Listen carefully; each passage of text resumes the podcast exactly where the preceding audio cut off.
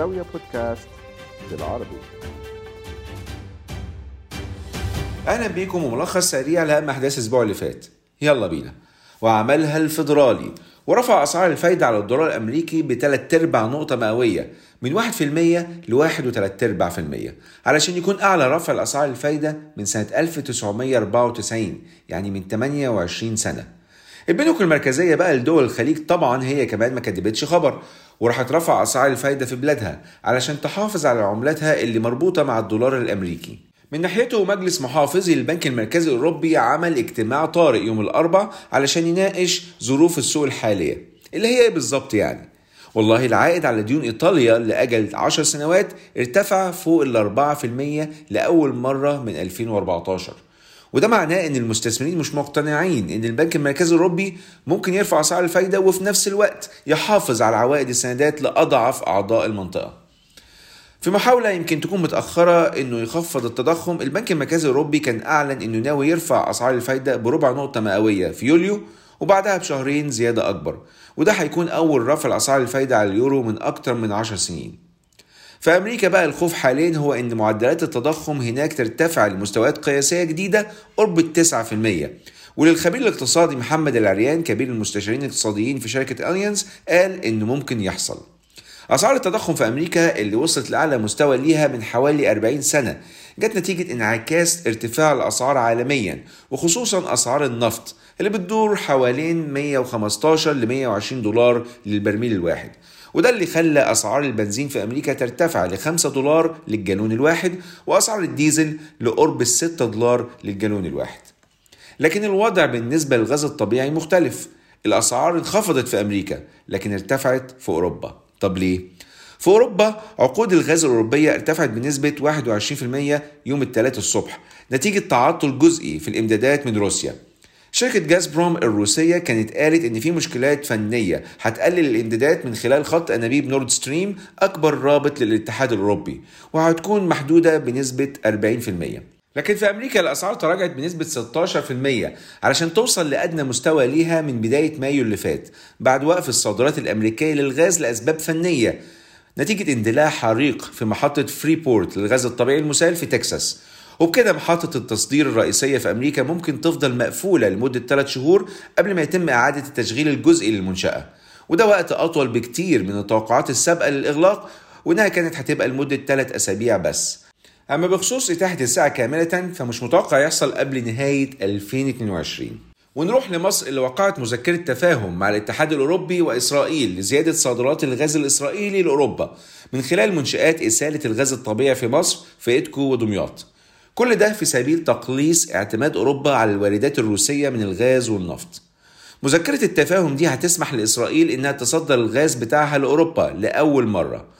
في المذكرة الاتحاد الأوروبي بيشجع الشركات الأوروبية إنها تستثمر في مشاريع التنقيب عن الغاز الطبيعي وإنتاجه في إسرائيل ومصر. الفكرة إن إسالة الغاز الإسرائيلي هيكون أقل تكلفة وقابل للتطبيق بشكل عملي أكتر من مد خطوط أنابيب جديدة لأوروبا واللي هتكون مكلفة وممكن تاخد سنين علشان تتعمل. ونروح للسعودية اللي هتستقبل الرئيس الأمريكي جو بايدن على نص يوليو في أول زيارة ليه للمنطقة من ساعة ما تولى منصبه. الزيارة هتستمر لمدة أربع أيام. هتبتدي في 13 و 14 يوليو بإسرائيل والضفة الغربية وبعدها في 15 و 16 يوليو في السعودية. وهيقابل فيها رئيس الوزراء الإسرائيلي نفتالي بنت ورئيس السلطة الفلسطينية محمود عباس والملك سلمان وولي العهد محمد بن سلمان. زيارة السعودية هيكون ليها طابع خاص وخصوصا إن بايدن هيحاول يقنع السعودية إنها تزود إنتاجها من النفط علشان أسعار البنزين اللي وصلت لمستويات قياسية في أمريكا تنخفض تاني. خلال تاني يوم من الزيارة بايدن هيحضر قمة مشتركة مع قادة دول مجلس التعاون لدول الخليج والأردن ومصر والعراق. وحسب مكتب نفتالي زيارة بايدن هتساعد في اندماج إسرائيل في الشرق الأوسط. أو بمناسبة الاندماجات والاستحواذات شركة شيميرا للاستثمارات ومركزها أبو ظبي أفصحت عن نيتها أنها تقدم عرض شراء ل 51 ل 90% من أسهم شركة بلتون المالية للقبضة بسعر جنيه و48 قرش ونص للسهم الواحد.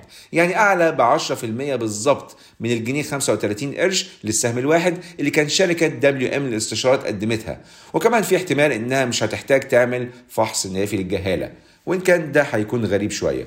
لكنها محتاجة موافقة السلطات الرقابية في مصر والإمارات. العرض الجديد بيقيم بلتون ب 662 مليون جنيه أو حوالي 35 مليون دولار. يعني حوالي 1.8 مضاعف قيمة دفترية و2.3 مضاعف قيمة دفترية ملموسة بعد خصم الشهرة. وبرضه في مصر شركة إماراتية تانية شكلها مهتمة بتوسيع نشاطها في السوق العقاري هناك. في أخبار إن شركة الدار العقارية الإماراتية بتفكر تستحوذ على حصة أغلبية في شركة مدينة نصر للإسكان والتعمير وإن كانت المناقشات لسه في مراحل مبكرة وممكن ما يكونش في عرض رسمي قريب. الحكومة المصرية بتمتلك حوالي 15% من شركة مدينة نصر للإسكان والتعمير ووزير قطاع الأعمال العام المصري قال إن الدار أبدت اهتمام بشركة مدينة نصر لكن مفيش عرض لسه. من ناحيتها شركة الدار المدرجة في أبو ظبي امتنعت عن التعليق في حين شركة مدينة نصر المدرجة في البورصة المصرية قالت في بيان إنها ما استلمتش أي عروض. في الإمارات بقى ADQ القابضة أحد صناديق أبو ظبي السيادية استحوذ على شركة أدوية تركية Birgi Mefar Group علشان يعزز أعماله في قطاع خدمات الرعاية الصحية وعلوم الحياة. الشركة التركية متخصصة في تطوير الأدوية وتصنيع المنتجات الطبية اللي منها المحاليل المعقمة والحقن المستخدمة في اللقاحات. إيديكو القبضة لم يفصح عن قيمة الصفقة. إيديكو القبضة كان استحوذ على شركة أمون للأدوية المصرية واتبع شركة بوش هيلث في أول 2021 بقيمة 740 مليون دولار. يعني شركات كتير بتحاول تسبق وتشتري قبل ما تكلفة الأموال ترتفع وبالتالي الفرص البديلة تقل. شكلها كده زمن الفايدة الصفرية بقى ماضي خلاص. كان معاكم عمرو حسين الألفي من زاوية تحياتي لكم والسلام عليكم ورحمة الله وبركاته.